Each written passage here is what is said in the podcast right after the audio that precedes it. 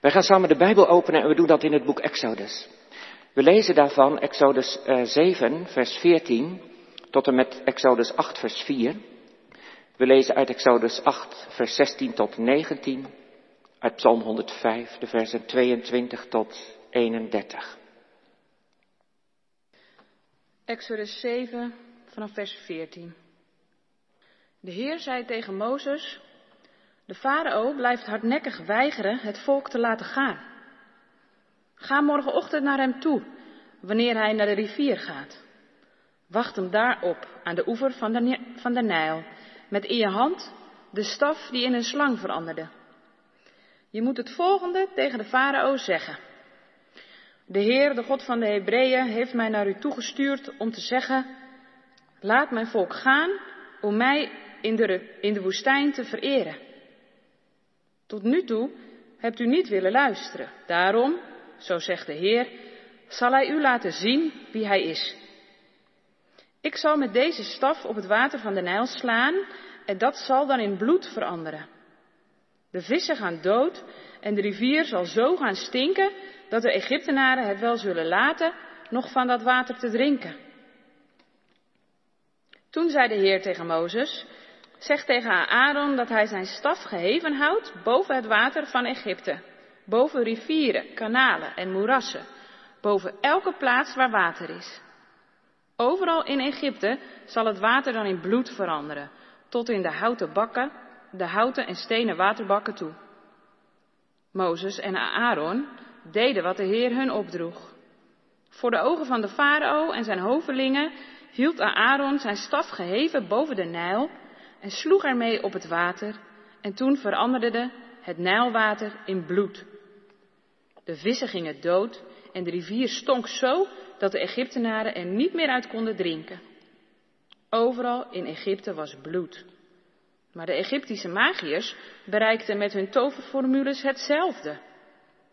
Daarom bleef de farao onverzettelijk. Hij wilde niet naar Mozes en naar Aaron luisteren, zoals de Heere had gezegd.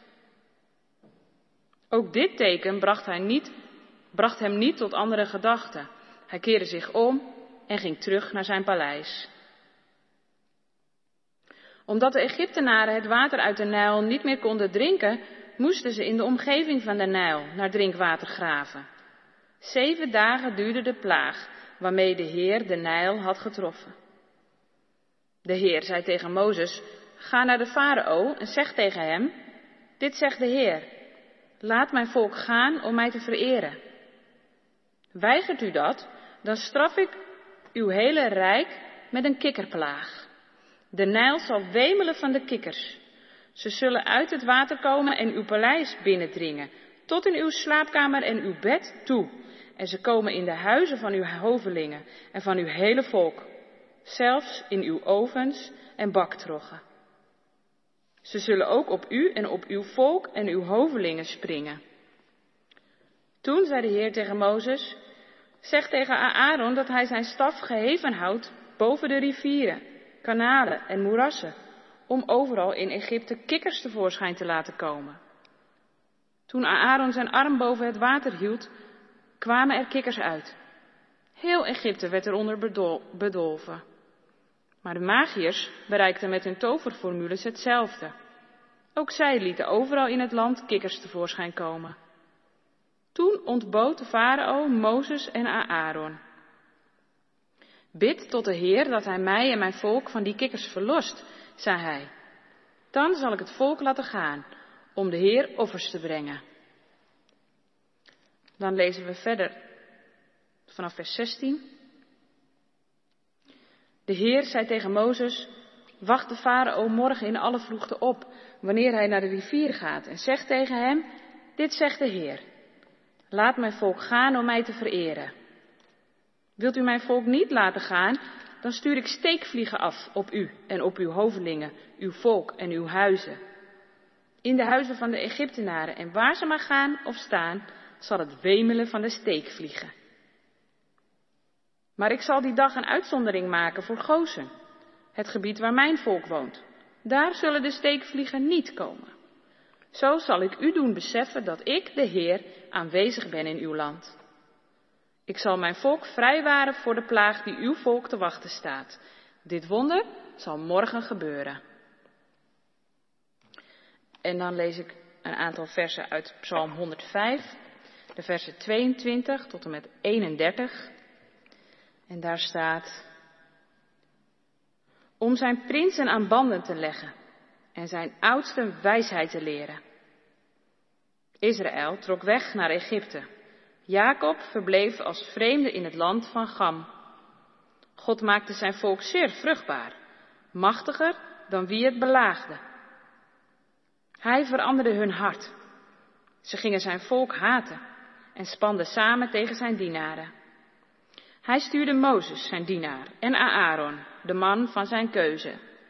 Zij verkondigden zijn wondertekenen, zij kondigden zijn wondertekenen aan, machtige daden in het land van Gam. Hij stuurde duisternis en het werd duister. Waren ze niet doof voor zijn woorden?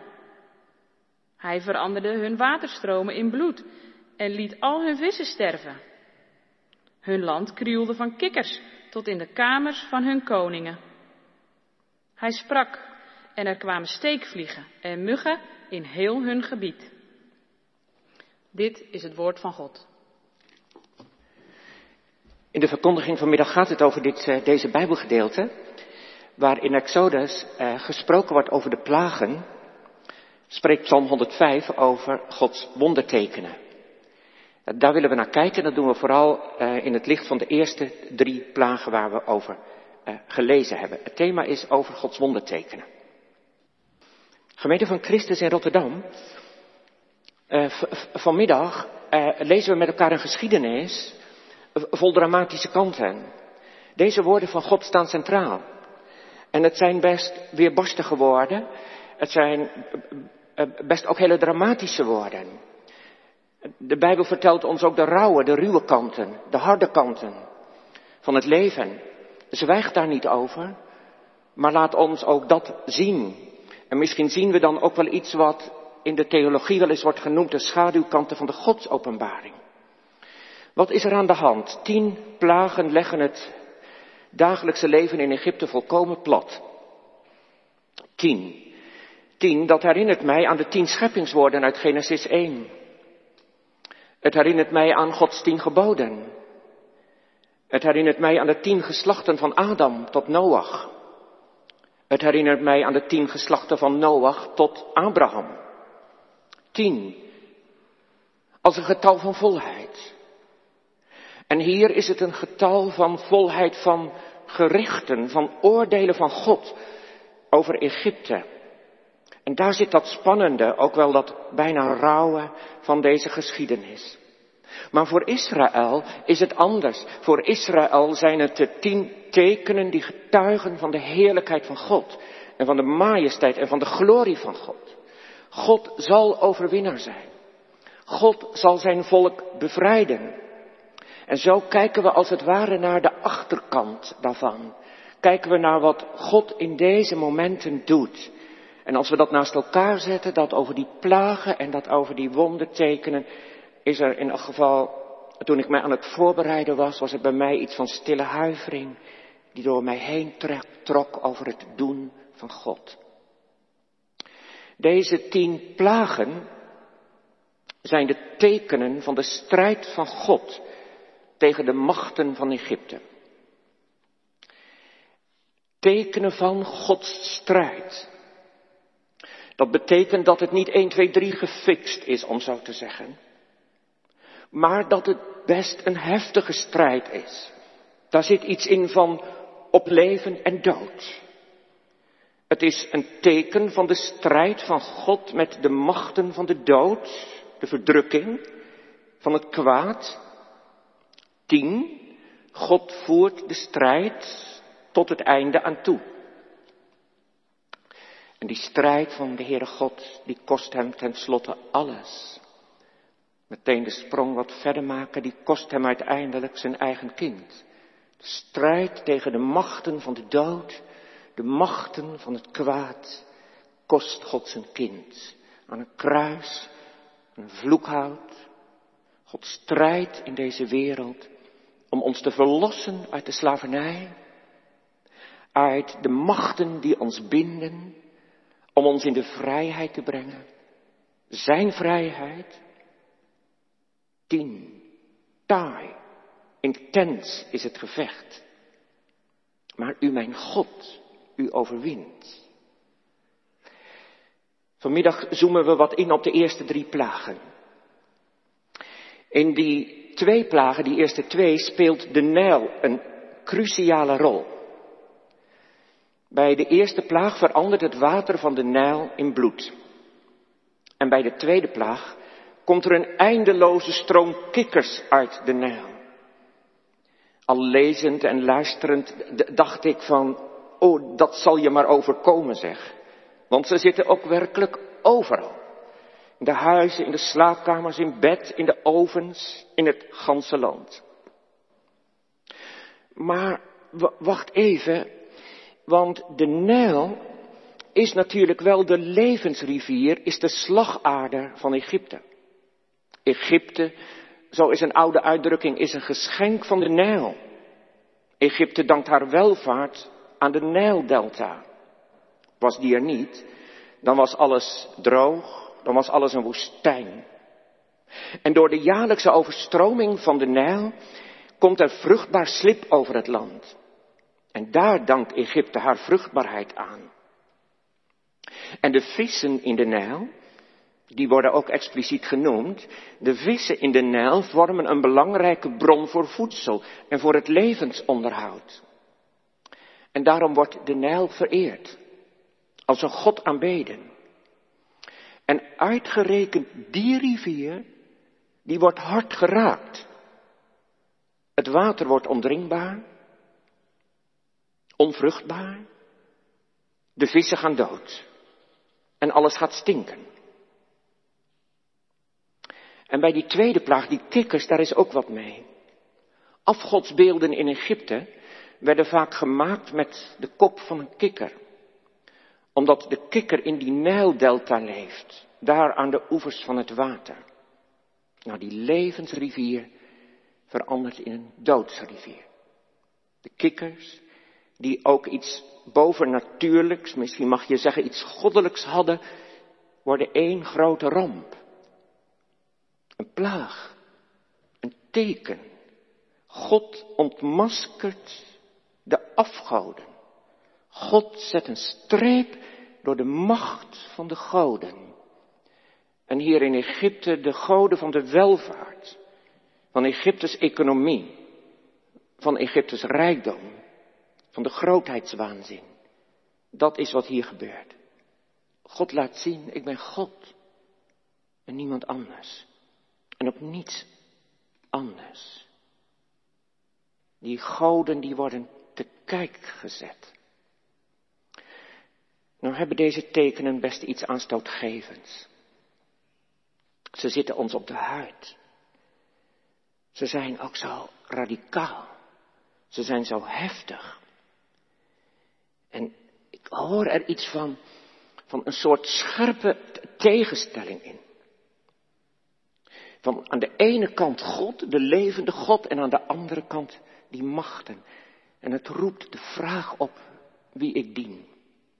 God of de goden van de tijd. God of de goden van eh, de maakbaarheid. En van ons ego. Dit eerste teken in Egypte hangt samen met het eerste woord, het eerste van de tien woorden, het eerste gebod van God. Geen andere goden. God zet, nu hij zijn volk bevrijdt, die goden te kijk. God voert de strijd met die machten. Er is geen God dan hij.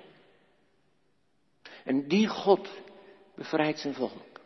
En die God zoekt ons hart. Die God zoekt ons als zijn gemeente. Die God zoekt ons in deze wereld. In zijn woord. En in zijn belofte. Door de geest. Die God plagen, Psalm 105, de wondertekenen. Die God openbaart zich, maakt zich bekend, zoekt een weg in onze wereld, zoekt een weg door de strijd heen, zoekt een weg naar ons hart, naar zijn kerk, omdat hij ons aan zijn kant wil, in het leven, in de vrijheid, in het licht. En de vraag dient, de vraag um, dient zich zomaar aan, popt als het ware omhoog. Welke goden moeten er dan van de troon bij ons? Wat zijn die namaakgoden? Misschien zit het wel het meest in mezelf.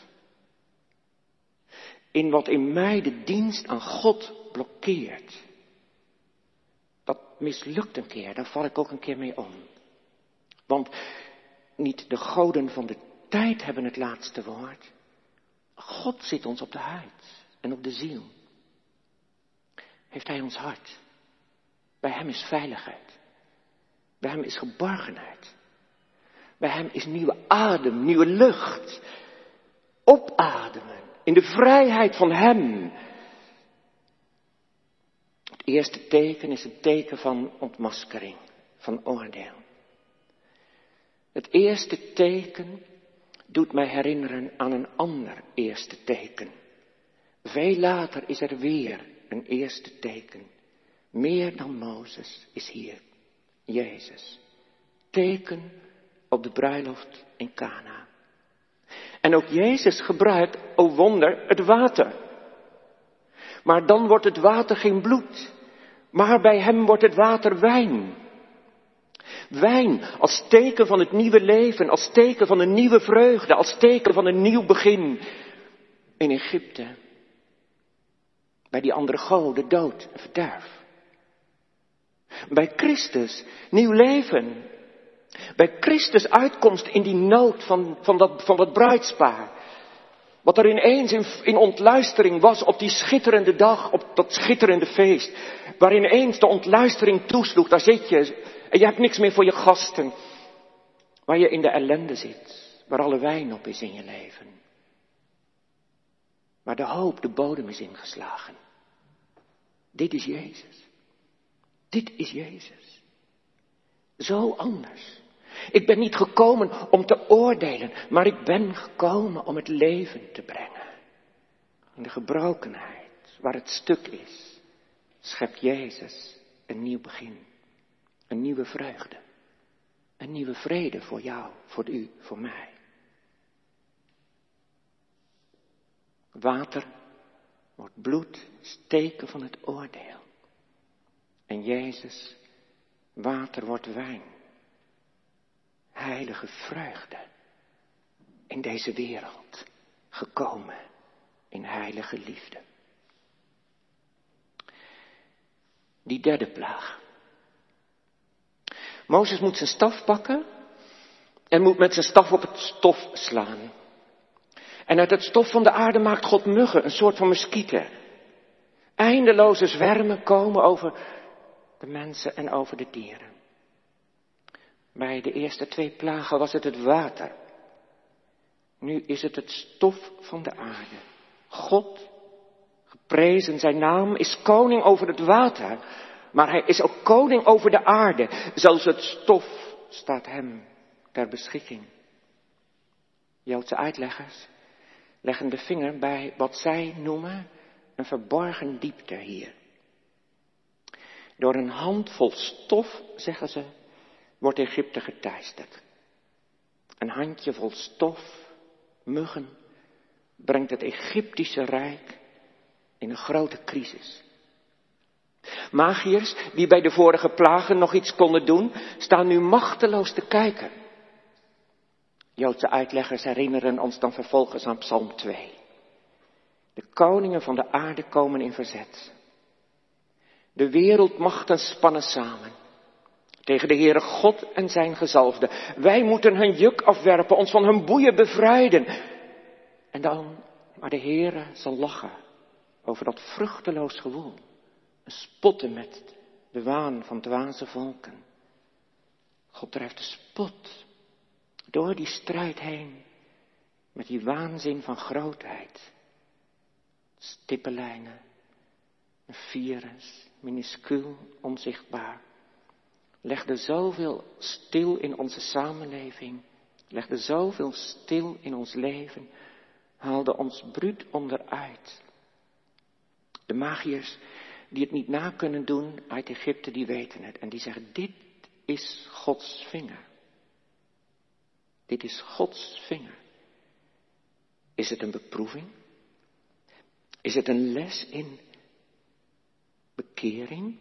Van grootheid naar ootmoed, van starheid naar gebrokenheid, van waanzin naar buigen, van knieën. U bent God, niet wij. Heere God, ontferm u. Hoe groot zijt gij? Maar bij die opmerking van die magiërs, bij deze plaag, bij dit wonderteken, nog iets anders.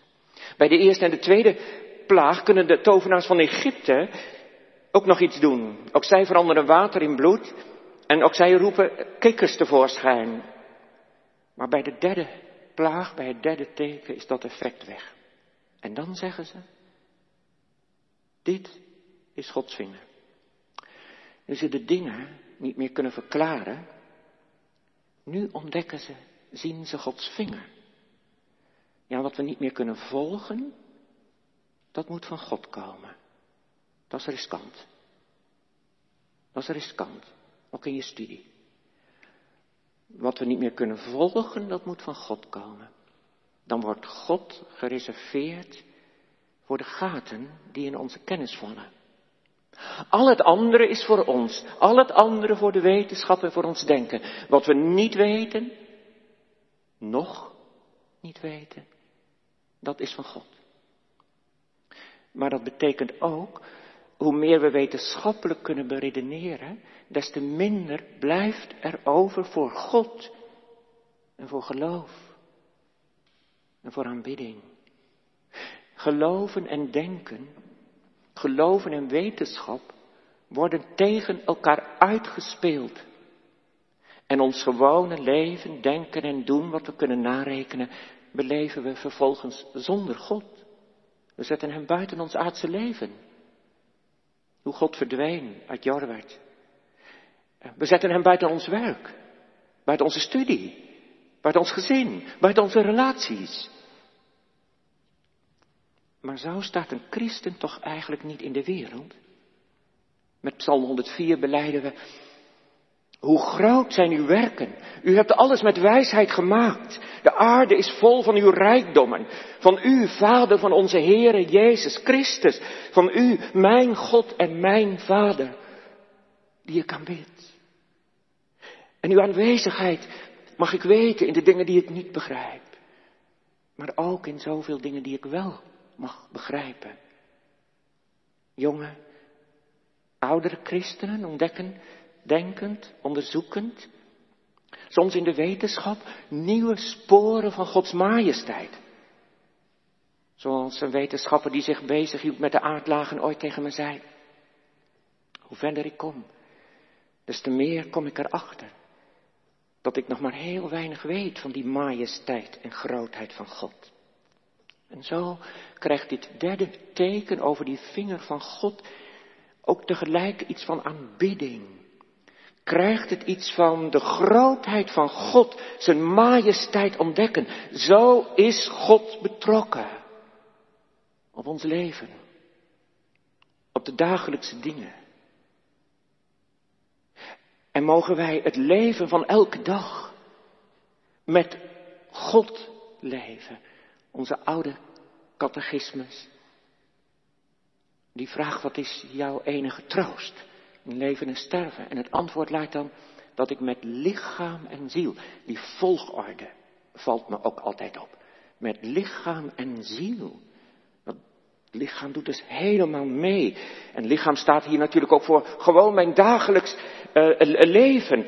Mijn werk, mijn, mijn eten, mijn drinken, mijn werken, mijn slapen mijn ziekte, mijn gezondheid. Daar is, hoe dan ook, Gods hand. En aan die hand vertrouw ik mij toe. In die hand weet ik mij over de hoogten en door de diepten geborgen. God leer mij u dienen over de hoogten. Leer mij u dienen door de diepten. Dit is mijn troost. In het leven In het sterven met alles wat ik begrijp. En met wat ik niet begrijp. Mijn leven is in uw hand. Neem mijn hart. Neem mijn leven in uw hand. En leid mij. En houd me vast. En zegen mij. Met uw genade en bescherming. Van dag tot dag. Dat is het woord van God voor deze middag. Amen.